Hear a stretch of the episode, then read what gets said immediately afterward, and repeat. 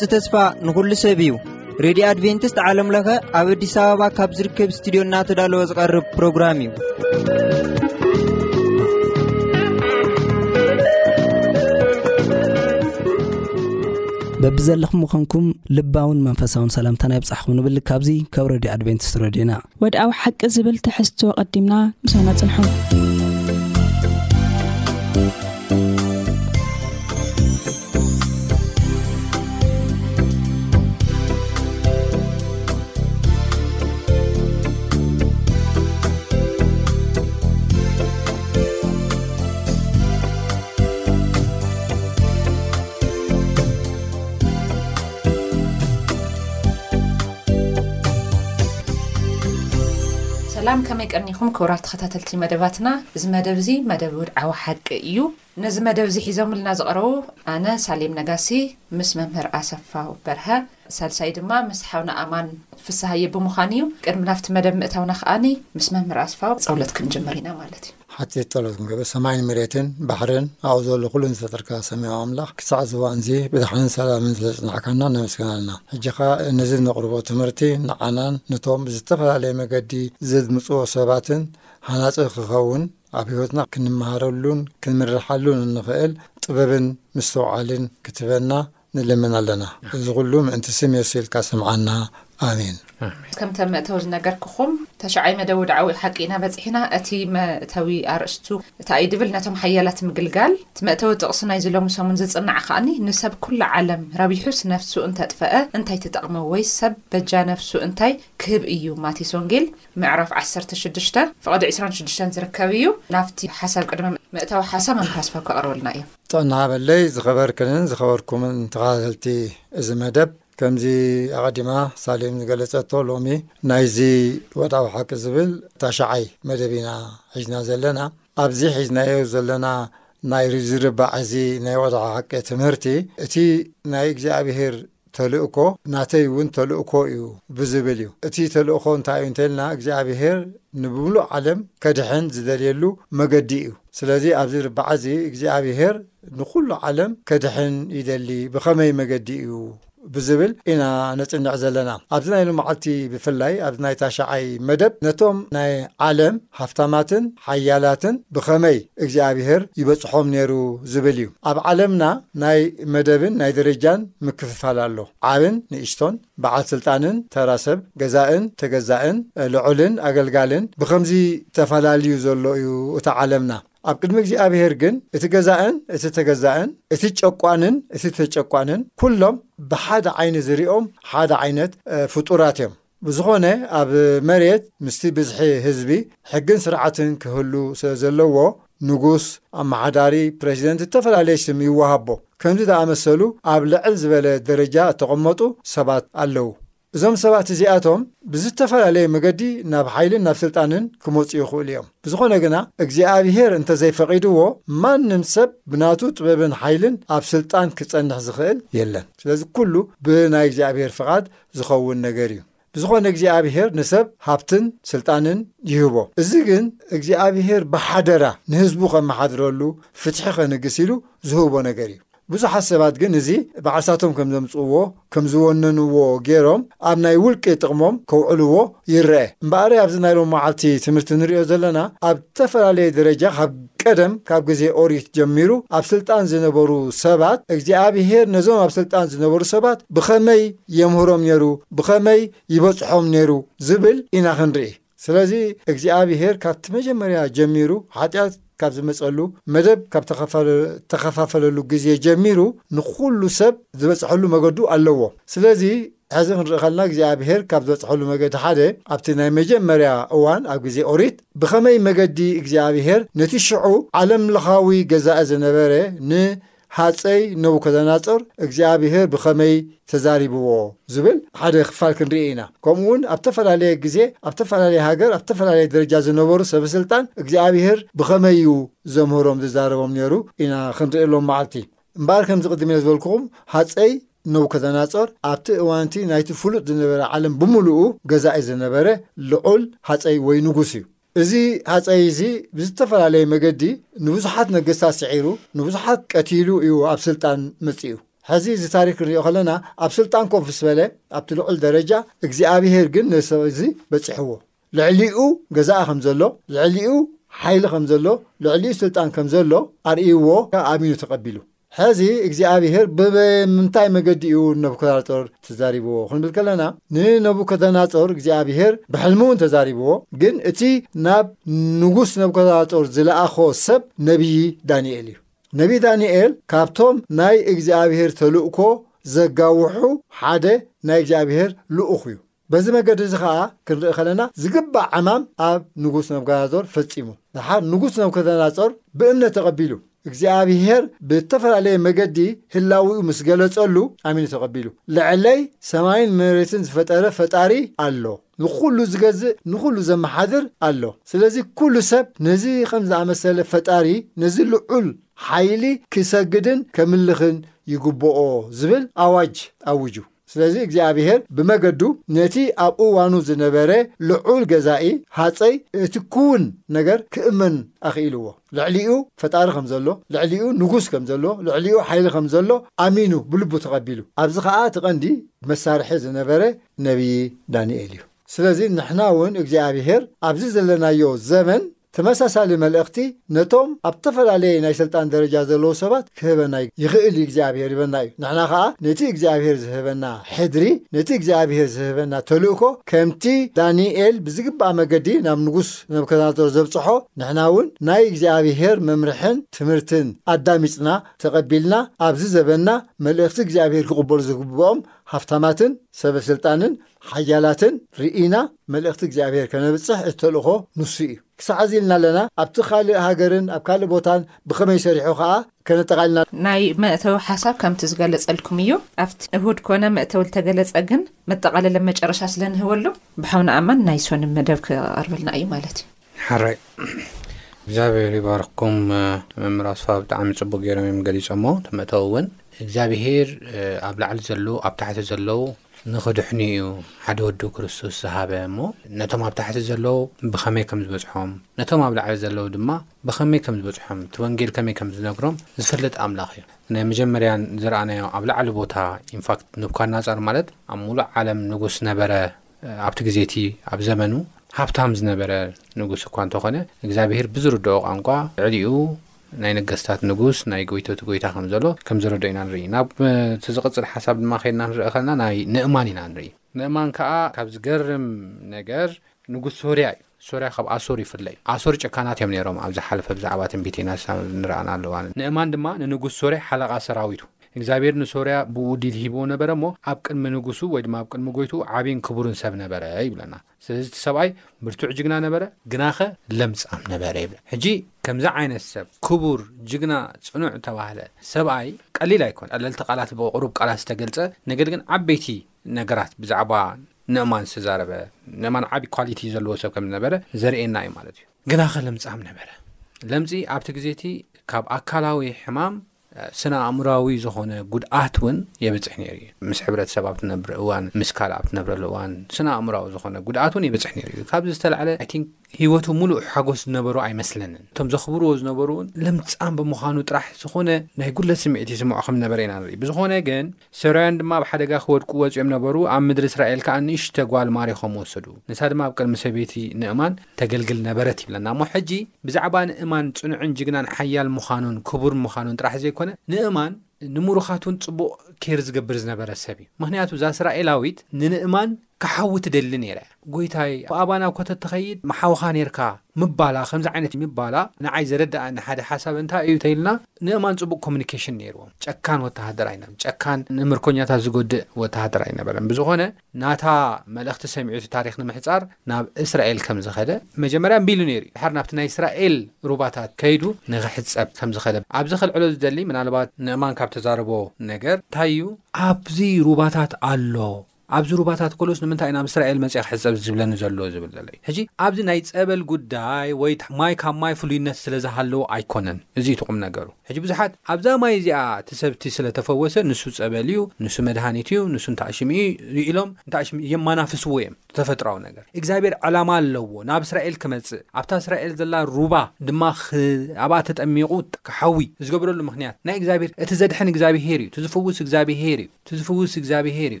ነገር ግን እግዚኣብሄር ነዛ ዓላማ እዚኣ ዝደለየላ ናይ እስራኤል ኣምላኽ ሓቀኛ ኣምላኽ ምዃኑ፣ ናይ እስራኤል ኣምላኽ ዝፍውስ ኣምላኽ ሓያል ኣምላኽ ምዃኑ፣ ንናይ እስራኤል ኣምላኽ ክቕበል ከም ዘለዎ፣ ናይ ኩሉ ህዝቢ ኣምላኽ ምዃኑ፣ ንኹሉ ህዝቢ ዘፍቅር ኣምላኽ ምዃኑ ምእንቲ ክርኢ ከርኢ ኢሉ እዩ እግዚኣብሄር እዚ ገይርዎ። እግዚኣብሄር ዝተጠቀመሉ መንገዲ እዩ ነዞም ዓበይቲ ነገስታት ከድሕን፣ ነዞም ዓበይቲ ጀነራላት ንኸድሕን ዝተጠቀመሉ መንገዲ እዩ። ሎሚ ምናልባት ሓደ ኣብቲኣ ቦታ ከይዱ ስለ ተፈወሰ እሱ ፍሉይ ማይ'ዩ፣ እቲ ጽቡቕ ረሳሕ ማይ'ዩ እንብለሉ ነገር ኣይኮነን። ኣብዚ ኢና ከነስምር ዘለና። ምናልባት ከም ፍቓድ ኣምላኽ ኣብ ዝቐጽል እውን ክንርእዮ ንኸውን ኢና፣ ምስ መምህር ኣስፋው ከም ፍቓድ ኣምላኽ እንተድኣ ክኢልና። እንተደይ ኮይኑ ግን ኣብዚ ናይ ሎሚ ሰንበት ትምህርትና እውን መምህር ኣስፋው ክውስኹሉ ይኾኑ እዮም ዝብል እምነት ኣለኒ። ብዛዕባ ጸበል ዝበሃል ማለት'ዩ ንእሽተይ ምስዚ ተሓሒዝና ክንርእዮ ንኽእል ኢና። ብዝኾነ ደሓር ግን ተፈዊሱ። ስግኡ ድማ ከም ቆልዓ ስጋ ኮነ ይብላና መጽሓፍ ቅዱስ።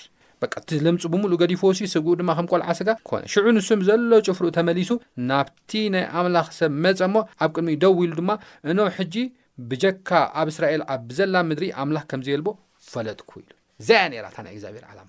ብጀካ ናይ እስራኤል ኣምላኽ እግዛብሄር ከም ዘየለ ኣምላኽ ከም ዘየለ ምፍላጥ እያ ነይራ ፈለጥኩ ኢሉ ኣብ ካልኣይ ነገስት ምዕራፍ ሓሙሽተ ፍቕዲ ዓሰርተ ሓሙሽተ ፈለጥኩ ሕጂ ኸኣ በጃኻ ይብሎ ንኤልሳእ ክዛረቦ ከሎ ንእማን ካብ ጊዳኻ ገጸ በረኸት ተቐበል ይብሎ እሞ ደሓር ን እብሎ ኤልሳእ ሽዑ ንእማን እዚ ኻብ ዘይከውንሲ ንጊልያኻ ክልተ ጽዕነት በቕሊ መሬት ክትህቦ በጃኻ ድሕሪ ደጊምሲ ጊላኻ ንእግዛብሄር እምበር ንኻልኦት ኣማልኽቲ ዝሓርድ መስዋእትን መስዋእቲ ሕሩድን ኣየቕርብን እየ መጀመርያ እግዛብሄር ፈሊጡ ደሓር ከኣ ቃል ኣትዩ ፍጹም ጣኦታት የምልኽ ኔረ እየ ፍጹም እንታይ ኣይገብርን እየ ኣየቕርብን እየ ኢሉ ቃል ክኣቱ ከሎ ኢና ንርኢ ብጣዕሚ ዝገርም እዩ ይቕጽል ቁጽሪ ዓሰርተ ሸሞንተ ድማ ኣብ ካልኣይ ነገስት ምዕራፍ ሓሙሽተ ከኣ እንታይ ይብል በዚ ነገር እዚ ግዳ እግዚኣብሄር ንጌልያኻ ይሰረየለይ ወይ ድማ ሓጢኣተይ ይቕረ ይበለለይ ጎይታ ኣብ ቤት ሪሞን ኣብኣ ክሰግድ ኢሉ ምስ ዝኣቱ ንሱ ኣብ ኢደይ ይጉዝጎዝ ኣነ ከኣ ኣብ ቤቱ ሪሞን እሰግድ ኣብ ቤት ሪሞን ክሰግድ ከለኹ ድማ በዚ ነገር እዚ ደኣ እግዚኣብሄር ንጌልያኻ ካብኡ ቁጽሪ ዓሰርተ ትሽዓተ ንሱ ድማ ብሰላም ኪድ በሎ ስለዚ እማን እግዚኣብሄር ፈሊጡ እግዛብሄር ተረዲኡ ቃል ኣትዩ ንኤልሳእ ምስ ነገሮ ብሰላም ኪድ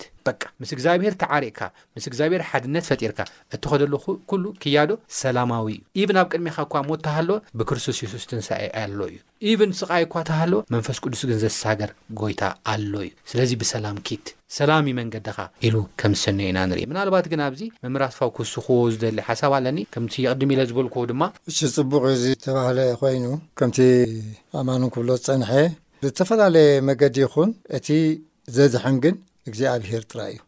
ኣብቲ ናይ ክርስቶስ እውን ክንርኢ ከለና ብተፈላለየ መገዲ እዩ ነቶም ሕሙማት ዘሕውዮም ዝፍውሶም ነበረ። ብቃል ዝፈወሶም ኣለው። ንኣብነት ምራቑ ጡፍ ኢሉ ኣብ መሬት ጭቃ ገይሩ ዝፈወሶም፣ ዓይኑ ለኺዩ ኣለው። ብምትንካፍ ዝፈወሶም ኣለው። ብተፈላለየ መገዲ እዩ ዝፍወስ ነይሩ። ኣብዚ ኩሉ ዓይነት ናይ ፈውሲ ከይዲ እታ ሓንቲ ንኹሉ ክትኣስር እትኸል እትንሪኣ ቅጥኒ እንታይ እያ? እምነት። ስለዚ እቲ ቀንዲ እቲ መሳርሒ እቲ መጋበርያ እተፈላለየ ነገር ክኸውን ይኽእል እዩ። እሱ ግን ኣይኮነን ዘድሕነና እቲ እምነት እዩ ዘድሕነና። ካልእ ኣጋጣሚ ከነብሎ ንኽእል ንኸውን፣ ሰይጣን ብእተፈላለየ መገዲ እዩ እቲ ፈተና ዘምጽእ። ነቲ ናይ ዓርሱ ዝኾነ ሓድሽ ነገር ኣየልዕልን እዩ፣ ግን ካብቲ እግዚኣብሄር ዝገበሮ ነገራት ንዕኡ ጠውዩ ወይ ጠምዚዙ እዩ ናብ ካልእ ዓይነት ኣምልኾ፣ ናብ ጣኦት ኣምልኾ ዘምልኾ። ሕዚ እቲ ዘበንና ገኒኑ ንርእዮ ከም ዘለና፣ ዳርጋ ምሉእ ህዝቢ ዓለም እዚ ክርስትያን ዝበሃል መስቀል የምልኽ ኣሎ። ኣብ መስቀል ግን እንታይ እዩ ኮይኑ? እቲ ዕንጨይቲ ማለት እዩ። ኣብ መስቀል ዘድሓና ነገር እንታይ እዩ እንተ ኢልና፣ ንምንታይ እዩ ክርስቶስ ኣብቲ እዋን እቲ ኣብ መስቀል ተሰቒሉ ሞይቱ? እቲ እንኮ መድሓኒ እሱ ስለ ዝኾነ ድዩ? ብመስቀል መቕጻዕቲ ማለት ያታዊ ናይ ሮማውያን ንዕሉል ገበነኛ ዝቕጽዕሉ ዝነበሩ መገዲ እዩ።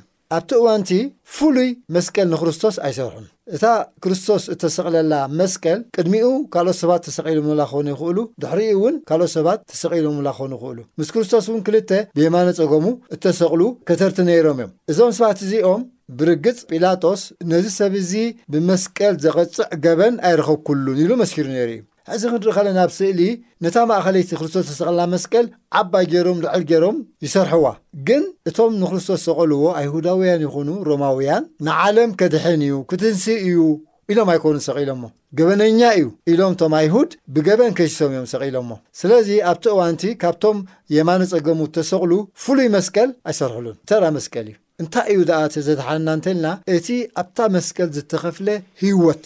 እቲ ሕጊ እንታይ እዩ ዝብል? እታ ሓጢኣት እትገብር ነፍሲ ንሳ ክትሞት እያ። ክትመውት እያ። ክርስቶስ ከኣ ናይ ኣዳም፣ ናይ ደቂ ኣዳም ብምሉኡ ሓጢኣት ተሰኪሙ፣ ኣብ ክንዳና ሓጢኣተኛ ኮይኑ ናትና ሓጢኣት ተሰኪሙ እዩ ህይወት ከፊሉ። ካልእ እዚ ክገብር ዝኽእል ኣይተረኽበን። ኣብቲ ዛንታ ከም ንርእዮ ንኣብነት ኣብርሃም እቲ ከረን ሞርያ ንኢሳቕ ንምስዋእ ክሳዕ እታ ናይ መጠረስታ መገዲ ከይዱ እዩ። በታ ሽሙ ክንሪኦ ከለና ኣብታ መጠረስታ ምስ በጽሐ ግን እግዚኣብሄር ደው ኣቢልዎ። ምኽንያቱ ይስሃቅ ኣብ ክንዲ ሓጢኣት ክኸፍሎ ዝኽእል ናይ ዓርሱ ህይወት የብሉን። ኢሳቕ ህይወቱ ካብ መን ረኺብዎ? ካብ ኣብርሃም። ኣብርሃም ከመን ካብ ኣቡኡ እንዳበለ ዝኸይድ እዩ። ስለዚ ናይ ይስሃቅ ደም ምፍሳስ ንሓጢኣት መተዓረቒ ክኸውን ስለ ዘይኽእል ናይ ኣብርሃም ተኣዛዝነት ምስ ኣረጋገጸ እግዚኣብሄር ደው ኣቢልዎ። ደሓን እንታይ ትብለና ጽሑፍ? ኣብ ክንዲ ይስሃቅ ዝስዋእ ገንሸል ኣምላኽ ሃቦ። ኣብኡ ዓይኑ ቛሕ ምስ ኣበለ ኣብ ክንዲ ይስሃቅ ዝስዋእ ገንሸል ርእዩ። ነቲ ገንሸል ኣብቲ ቦታ ናይ ይስሃቅ ሰዊእዎ። እዚ ገንሸል እዚ ኸኣ ክርስቶስ እዩ። ስለዚ ኣብዚ ክንሪኦ ዝግብኣና ነገር እንታይ እዩ? እቲ ዝተፈላለየ ቁሳዊ ነገር ብዝኾነ ይኹን መገዲ ከድሕነና ኣይክእልን እዩ። እታ እምነት ብእምነት ናብቲ ዘድሕን ፈጣሪ ምቕራብን ብንስሕና ብቕኑዕ ልቢ ምእማንን እሳ እታ ተድሕነና።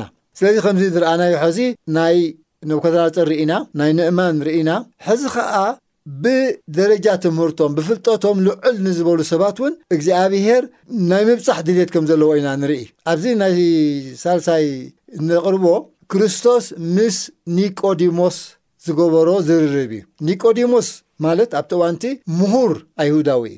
ናይ ቤተ መቅደስ ናይ ቤተ እምነት ኣመሓዳሪ ሓላፊ እዩ። ስለዚ ክንሪኦ ከለና ብምክንያት ትምህርቱን ብደረጅኡን ካብቲ ተራ ሕብረተሰብ ልዕል ዝበለ ሰብ እዩ። ነዚ ልዕል ዝበለ ሰብ ናብ ክርስቶስ መጺኡ። ክርስቶስ ከኣ በታ ዘለዎ ደረጃ ተቐቢልዎ። በቲ ዘለዎ ናይ ፍልጠት ደረጃ፣ በቲ ዘለዎ ክእለት ኣብታ ክእለቱ መጺኡ ወስኻ ናይ ኣይሁድ ምሁር ኢኻ ኢልዎ። ንኻልኦት ተራ ሰብ ዘይብሎ ነገር ከኣ ምስጢር ነጊርዎ፣ ብኸመይ መገዲ ክድሕን ከም ዝግብኦ። ፍልጠት ምውህላል፣ ደረጃ ፍልጠት ምሓዝ፣ ብፍልጠትካ ብክእለትካ ኣብ ልዕሊ ደረጃ ምባል ዘድሕን ኣይኮነን። እንደገና እንተዘይተወሊድካ ክትድሕን ኣይትኽእልን ኢኻ ኢልዎ። ዋእ ኢሉ ከመይ ገይረ እንደገና ክውለድ ይኽእል? ሰብሲ ካብ ማሕፀን ኣዲኡ ወፂኡ ተወሊዱ ምስ ዓበየ እንደገና ድየ ናብ ማሕፀን ኣደይ ክምለስ? ተመራሚሩ ደሓር ክርስቶስ በቲኡ ገይሩ ከዓ እቲ ክውን ነገር ነጊርዎ። እቲ ወንጌል ክኸውን ዘለዎ። ስለዚ ኒቀዲሞስ ኣብዛ እዋን እዚኣ ክቡር ግዜ ምስ ክርስቶስ ኣጥፊኡ ብለይቲ እዩ መፂኡ። ብሕት ኢሉ ናብ ክርስቶስ መፂኡ። ክርስቶስ ከዓ ለይቲ እዩ፣ እዋን ዕረፍቲ እዩ ኣይበሎን። ኣብታ እዋን እቲኣ ተቐቢሉ ኣተኣናጊድዎ። ንኒቆዲሞስን ብኡ ኣቢሉ ኸኣ ንብዙሕ ካልእ ሰብን ክኸውን ዝኽእል ትምህርቲ ኣምሂርዎ። ስለዚ ኣብዚ ንርእዮ ዘለና እንታይ እዩ?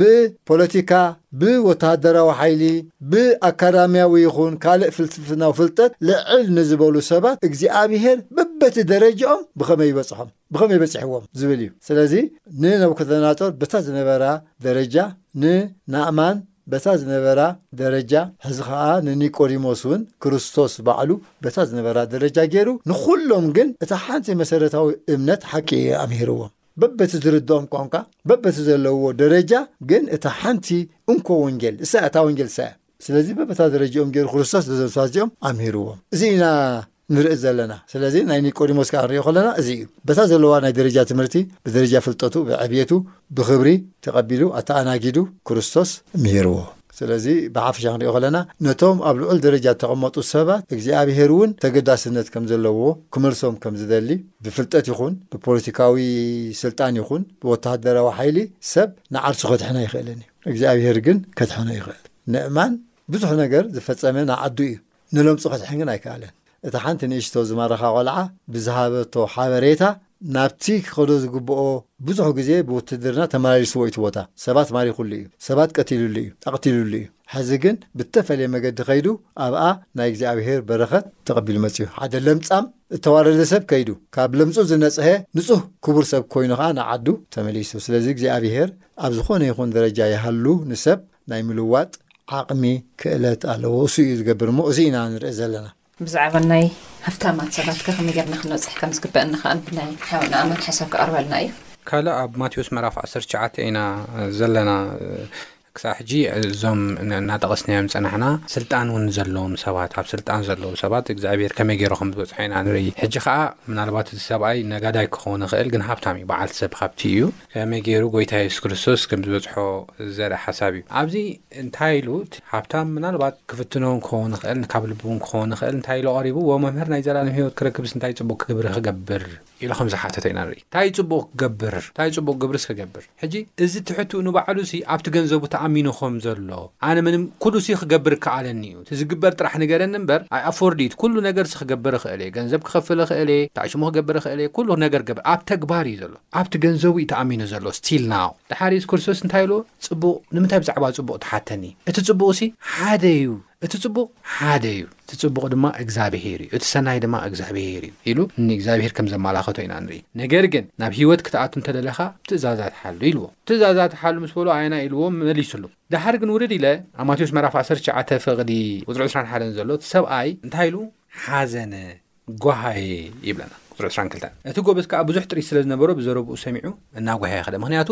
እዚ ኩሉ ካብ ካብ ንእስነተይ ጀሚረ ገይረ እየ ምስ በሎ እሞ ኩሉ ገዲፍካ ሰዓበኒ ኩሉ ነ ገዲፍካ ሰዓበኒ ምስ በሎ እናጓሃየ ከደ ምክንያቱ ካብ ገንዘቡ ካብቲ እተኣመነሉ ነገር ንምፍላይ ብጣዕሚ ከቢድዎ ስለ ዝነበረ ማለት እዩ ብዝኮነ የሱስ ክርስቶስ እንታይ ኢልዎ ሃብታም ናብ መንግስቲ ኣምላኽ ካብ ዝኣቱስ ገመል ብዓይኒ መርፍእ ክትሓልፍ ይቐልል ከም ብሓድሽ እብለኩም ኣሎኹ ኢሉ ከም ዝተዛረቦ ኢና ንርኢ ማለት እዩ። እዚ እንታይ እዩ ዝብል ዘሎ? ኣብዚኤን ክገልጸን ዝደሊ ሰለስተ ሓሳባት ኣለዋ። እታ ቀዳመይቲ ኢየሱስ ክርስቶስ ምድሓን ብጽቡቕ ተግባር እዩ እናበለ ኣይኮነን ዘሎ። እንታይ እዩ ዝብል ዘሎ ኢየሱስ ክርስቶስ ንክርስቶስ ብምስዓብ እዩ። ስዓበኒ! ኢልዎ ኢየሱስ ክርስቶስ ኣብኡ እዩ ዘሎ። ንክርስቶስ ኣብ ምእማን እዩ ዘሎ። ምድሓን ብክርስቶስ ምእማን እዩ። እምነት ግን ብተግባር ክግለጽ ኣለዎ። ህያው እምነት ክኸውን ኣለዎ። ዝሞተ እምነት ክኸውን የብሉን እዩ። ናይ መጀመርያ ሓሳበይ ከባ ዝደሊ እታ ካልኢት ሓሳበይ ኢየሱስ ክርስቶስ ኣብዚ እናበለ ዘሎ ነዚ ሰብኣይ እዚ ሃብታማት ክድሕኑ ኣይክእሉን እዮም ኣይኮነን ዝብል ዘሎ ኢየሱስ ክርስቶስ ዝብሎ ዘሎ እዚ ሰብኣይ እዚ ብገንዘቡ ዝእመን ዘለዎ ሃብቲ ብዘለዎ ማቴሪያል ናውቲ ዝእመን ሰብ ስለ ዝነበረ፣ ከምዚ ዓይነት ብገንዘቡ ዝእመን፣ ብናውቱ ዝእመን ሰብ መንግስተ ሰማያት ንምእታው ብጣዕሚ ከቢድ እዩ። ክላቐቕ ክኽእል ኣለዎ። ካብቲ እተኣመነሉ ምድራዊ ናውቲ ወይ ድማ ገንዘብ ክወጽእ ክኽእል ኣለዎ። ሃብታም ኣይኹን ማለት ኣይኮነን፣ ግን ብእኡ እምነት ካብ ምግባር ክወጽእ ክኽእል ኣለዎ። ከምዚ ዓይነት እምነት ኣብ ሃብቱን ኣብ ጥሪቱን ኣብ ንብረቱን ሒዙ መንግስቲ ኣምላኽ ንክርስቶስ ምስዓብ ከቢድ እዩ። in fact ነዚ ሰብ እዚ እውን ከቢድዎ እዩ ማለት እዩ። እቲ ሳልሳይ ድማ ከመይ ገይሩ እዩ ኢየሱስ ክርስቶስ ንሰብ ዝመሊስሉ ብዝብል ንየሱስ ክርስቶስ ሓቲቶሞ እዮም ሃብታም ተደይ ኣትዩ ምክንያቱ ኣብቲ ግዜ እቲ ወይ ድማ ኣብቲ ሕብረተሰብ ዝነበረ ኣመለኻኽታ ሃብታም ቀጢሉ ናብ መንግስተ ሰማይ እዩ ዝኣቱ ዝነበረ ዶክትሪን እየ ዝብለክ ዝነበረ ኣተሓሳስባ ሃብታም ቀጢሉ እዩ መንግስተ ሰማይ ዝኣቱ ድኻ ግን ዝሓመመ ግን ጥዕና ዘይብሉ ግን በቃ ናይ ዘላለም ሞት ናይ ዘላለም ጥፍኣት እዩ ዕጭኡ ዝብል እምነትን ትምህርትን እዩ ነይርዎ በዚ መልክዕ እዚ መን ደኣ ክኣቱ ይኽእል ኢሎም ሓቲቶሞ የሱስ ክርስቶስ ስለዚ እታ ናይ ሳልሳይ ሓሳበይ እንታይ እዩ እቲ ንሰብ ዘይከኣሎ ንእግዚኣብሄር ይከኣሎ እዩ ከመይ ገይሩ ምድሓን ከም ዝኽእል ከመይ ገይሩ ክፍውስ ከም ዝኽእል ድኻታት ከመይ ገይሩ ናብ ሰማይ ክእቱ ከም ዝኽእል እሱ ይፈልጥ ኢሉ ናብኡ ከም ዘመላኸቶም ኢና ንርኢ ስለዚ ብናይ እግዚኣብሄር ጸጋ ኢና ክንድሕን ንኽእል ናብ እግዚኣብሄር ክንመጽእ ንክርስቶስ ክንስዕብ ኣለና እናበልኩ ካብዚ ንመሃሮ ነገር ነዚ ሰብ እዚ የሱስ ክርስቶስ ዘምሀሮ መንገዲ ብጣዕሚ ዘደንቅ ምዃኑ እየ ከብ ክደል። ሓሳብ ንምጥቕላል ነቶም ሓያላት ከ ከመይ ገይሩ እግዚኣብሔር ከም ዝበጽሐሎም ብልብል ናይ መጨረሻ ሓሳብ ክነቕርብ ኢና። ብሓፈሻ ንሪኦ ኣለና ናይዞም ዝተፈላለዩ ሰባት ንርኢ ኔርና ኣብዚ ግን ሕጂ እዚ ፍልይ ዝበለ ኣብዚ ክንሪኦ እንኽእል ኣብ ስልጣን ዘለዉ ኣብ ልዑል ናይ ሃብቲ ደረጃ ዘለዉ ብልቦም ንእግዚኣብሔር ተቐቢሎም ብቀጥታ ግን ኣብ ኣገልግሎት ዘይካፈሉ ሰባት ከም ዘለዉ እዩ። ስለዚ ንሕና ሓደ ሰብ ምሳና ስለ ዘይጎየየ ኣብቲ ንሕና ነብሎ ስለ ዘየበለ እዚ ኣይድሕንን እዩ ርሑቕ እዩ ኣብ ዝብል ግምት ክንኣቱ ከም ዘይብልና እዩ። ኣብዚ እተዋህበና ኣብነት ኣብዚ ናይ ወንጌል ማቴዎስ መበል ዕስራን ሸውዓተን ምዕራፍ ክርስቶስ ተሰቒሉ ደቀ መዛሙርቱ ኩሉ ሰብ ምስ ገደፎ የሴፍ በዓል ኣርማትያስ መጺኡ ኣብቲ ንዓርሱ ዘዳለዎ ክቡር መቓብር ንክርስቶስ ቀቢርዎ። እዚ ሰብኣይ እዚ ብሕ ስቱር ብሕቡእ ናይ ክርስቶስ ወደ መዝሙር ነይሩ። ኣብቲ ክርስቶስ ብኹሉ ተኸዲዑ በይኑ ጠጠው ዝበለሉ እዚ ሰብኣይ እዚ ናብ ናይ ክርስቶስ ሓገዝ መጺኡ። ስለዚ ንሕና እዞም ኣብ ስልጣን ዘለዉ በዚ ዝኸዱ በቲ ዝኸዱ ኩሎም ኩንናት እዮም ሕማቓት እዮም ኣብ ዝብል ምደምደምታ ክንበጽሕ ከም ዘይብልና እዩ። ስለዚ በብመገዶም ንእግዚኣብሄር ዘገልግሉን ዝእዘዙን ሰባት ኣለዉ። ንሕና ንፍለጦም ኣይንፍለጦም ግን ምስ እግዚኣብሄር ናይ ሓቂ ዝኾነ ርክብ ዘለዎም ብሓቂ ንእግዚኣብሄር ዝፈርሁ ንእግዚኣብሄር ዘገልግሉ ሰባት ኣብ ተፈላለየ ደረጃ ናይ ትምህርቲ ይኹን ናይ ፖለቲካ ስልጣን ይኹን ናይ ውትድርና ይኹን ብዝተፈላለየ ኣብ ተፈላለየ ደረጃ ኮይኖም ነታ እተዋህበቶም ሕድሪ ብተኣማንነትን ብፈሪሃ እግዚኣብሄርን ዝፍጽሙ ሰባት ከም ዘለዉ እዩ ሓደ ክንሪኦ ንኽእል። ስለዚ ብዛዕባ ዮሴፍ ኣብ ምሉእ ናይ ክርስቶስ ኣገልግሎት ኣበይ መጺኡ እንታይ ተማሂሩ ኣይተመዝገበን። ኣብታ መጨረስታ ግዜ እዩ መጺኡ። ኣብታ ወሳኒት ግዜ መጺኡ ንክርስቶስ ናብቶም ሰበስልጣን ከይዱ ክቐብሮ ክፈቕድሉ ሓቲትዎም። ተፈቒድሉ ኣብቲ ንዓርሱ ኢሉ ዘዳለዎ ክቡር መቓብር ከኣ ንክርስቶስ ቀቢርዎ። እዚ ውን ብካልእ ከርእየና ዝክእል ክርስቶስ ኣብ ናይ ዮሴፍ መቃብር ተቀቢሩ ማለት ኣብ ናይ ቦታ ሓጢኣተኛታት ሞይቱ ኣብ ናይ ሓጢኣተኛታት ሰባት መቃብር ከኣ ተቀቢሩ። ስለዚ እግዚኣብሄር ብከመይ ይሰርሕ ንሕና ክንፈልጥ ኣይንክእልን ኢና መርሚርና ክንበጽሖ ኣይንክእልን ኢና። እግዚኣብሄር ንሰባት ናብ ኣገልግሎቱ ዘምጽኣሉን ዘገልግልዎን ብተፈላለየ መገዲ እዩ። ስለዚ እቶም ንዓና ዝመስሉን ምሳና ዘለዉን ጥራይ እዮም ዝድሕኑ ዝብል ኣተሓሳስባ ከነውግድ ከም ዘለና እዩ። እግዚኣብሄር ኣብ ኩሉ ዓለም ኣብ ኩሉ ቦታ ዝድሕኑ ሰባት ኣለውዎ። እዞም ዝድሕኑ ሰባት ከኣ እምነቶም ዝገልጽሉ፣ ተኣማንነቶም ዝገልጽሉ ዕድልን ኣጋጣምን እግዚኣብሄር ይህቦም እዩ፣ ክህቦም እዩ። ስለዚ ብኸምዚ እምነት ክንከይድ ይግብኣና፣ ንሕና ጥራይ ኢና ክንብል ኣይግብኣናን እዩ። ንሕና በቲ ዝበርሃልና ብርሃን እሙናት ኮይንና ክንርከብ እግዚኣብሄር ንንሕድሕድ ሰብ እታ ዝሃቦ መክሊት እዩ ዝሓቶ። እንታይ ጌርካ እያ እታ ዝሃብኩ ትብል እያ እታ ሕቶ እሞ ስለዚ ንሕና እታ እግዚኣብሄር ንዓና ዝሃበና ሓላፍነት ብጸሎትን ብምስትንታንን ኣስተውዒልና ንዓኣ ብቑዓት ኮይንና ንኽንርከብ እዚ እቲ ዝግብኣና። እምበር ክሶ ከማይ ዘይኮነ ወይ ኣነ ከም ክሶ ክኸውን ኣብ ዝብል ኣጉል ነገር ክንኣቱ ኣይግብኣናን እዩ ስለዚ ብንስሕና ንእግዚኣብሔር ከነገልግል ይግብኣና ስለዚ እዚ ናይ የሴፍ ነገር ዘምህረና ትምህርቲ እሱ እዩ ኣብታ መጠረሳን ወሳኒት እዋን እምነቱ ገሊጹ ንክርስቶስ ከኣ ከም ሰብ ከም ኣስከሬን ኣቲ ዝግብኦ ቦታ ቀቢርዎ እዚ ከኣ ናይ እግዚኣብሔር ስራሕዩ ስለዚ እግዚኣብሔር ብብዙሕ መገዲ እዩ ዝሰርሕ ንሕና ከኣ ንዕኡ ክንጽበ ይግብኣና ነቲ እግዚኣብሔር ዝሀበና ዕማም ንምፍጻም ከኣ ድሉዋት ብቁዓት ኮይና ክንርከብ ነዚ ክንጽሊ ይግብኣና እዚ እዩ እቲ ክንመሃሮ ንኽእል ትምህርቲ። ጽቡቅ ተባረኹ ንዘቅረብኩምልና ሓሳብ ብምልኡ ሓሙሽተ ዓይነት ሰባት እዮም ቀሪቦም እዞም ሓሙሽተ ዓይነት ሰባት ግን ኣብ ምድሪ ንዝነብሩ ገጸ ባህርያት ዝጫወቱ ሰባት እዮም ሓደ ናብ ክብረ ኖጸር ተገሊጹ ናብ ከደኖ ጾር ማለት ናይ እግዚኣብሔር ፈጣርነት ረሲዑ ኣብ ናይ እግዚኣብሔር ቦታ ክትከል ዝሞከረ ሰብ እዩ። ንእማን ከኣኒ ብዙሕ ጊዜ እዚ ቦታ ንሱ መምህር ከም ዝበሎ ተመላሊስዎ ነገር ግን መጨረሻ ላይ ናይ እስራኤል ኣምላኽ ክላለ እምበር ክዋጋእ ኣይኮነን ከይዱ ምስ ናይ እስራኤል ኣምላኽ ክፋለጥ እምበር ናይ ምሕረት ኣምላኽ ክፋለጥ እምበር ክወግእ ኣይኮነን ከይዱ እዞም ሰባት እዚኦም መጨረሻ ጨዋቶም ናብ እግዚኣብሔር ኣፍ ደገ ከም ድኾነ እዩ ደርእየና ኒቆዲሞስ ከኣኒ ቅድሚ ሕጂ ድሞ ናብ ምኩራብ ክኸይዱ እዩ ክንደ ጊዜ ግን ከም ክርስቶስ ዝምህሮ ኣይተረኸበይ ስለዚ ናብቲ ትኽክለኛ ህይወት ደለዎ መምህር ከም ድኸደ እቶም ሃፍታማት እንብሎም ሰባት ከኣ ትዕቢት ገለ ገለ ከመንጭው ይኽእሉ እዮም፣ ነገር ግን የሱስ ብናይ ባዕሉ መንገዲ እዞም ሰባት እዚኦም ከም ዝመልሶም እዩ ዝነግረና። እቶም ሓያላት እውን ከምኡ እዩ ዝነግረና እና ኣንሕና ኣበየናይ ኣንፈት ንርከብ ከመይ ኢና ክንበጽሕ ከም ዝግበእና ድብል ናይ እግዚኣብሔር መንፈስ ኣብ ሕድሕድ ቦታ እንዳተረኸበ ክገልጸልና እዩ። ስለዚ ናትና ስራሕ ብትሕትና ናይ እግዚኣብሔር ወንጌል ነቶም ዝግብኦም ሃፋትም ሓያላት ዝበሃሉ መምሃራን ብትብዓት ተኸታቲልና ከነብጽሐሎም ከም ዝግበእና እቲ ናይ ሎሚ ብድሆታት ዝነግረና እና እዚ ምግባር ክንኽእል እግዚኣብሔር ኣምላኽ ጸጉ የብዝሐልና። ሓሳብን ጥያቄን ብዝህልየኩም ክቡራት ተኸታተልቲ መደባትና ብልሙድ ስልኪ ቁጽሪ መስመራትና ባዶ ትሽዓተ ሰማንያን ትሽዓተን ሰብዓን ሸውዓተን ኣርብዓን ሓሙሽተን ቴስዓ ኢልኩም ተወሳኺ ስልኪ ቁጽሪ ከኣኒ። ዜሮ ትሽዓተ ዓሰርተ ዓሰርተ ኣርባዕተ ሓምሳን ሓደን ዜሮ ሓሙሽተ ወይ ድማ ብናይ ኢመይል ኣድራሻና ቲ።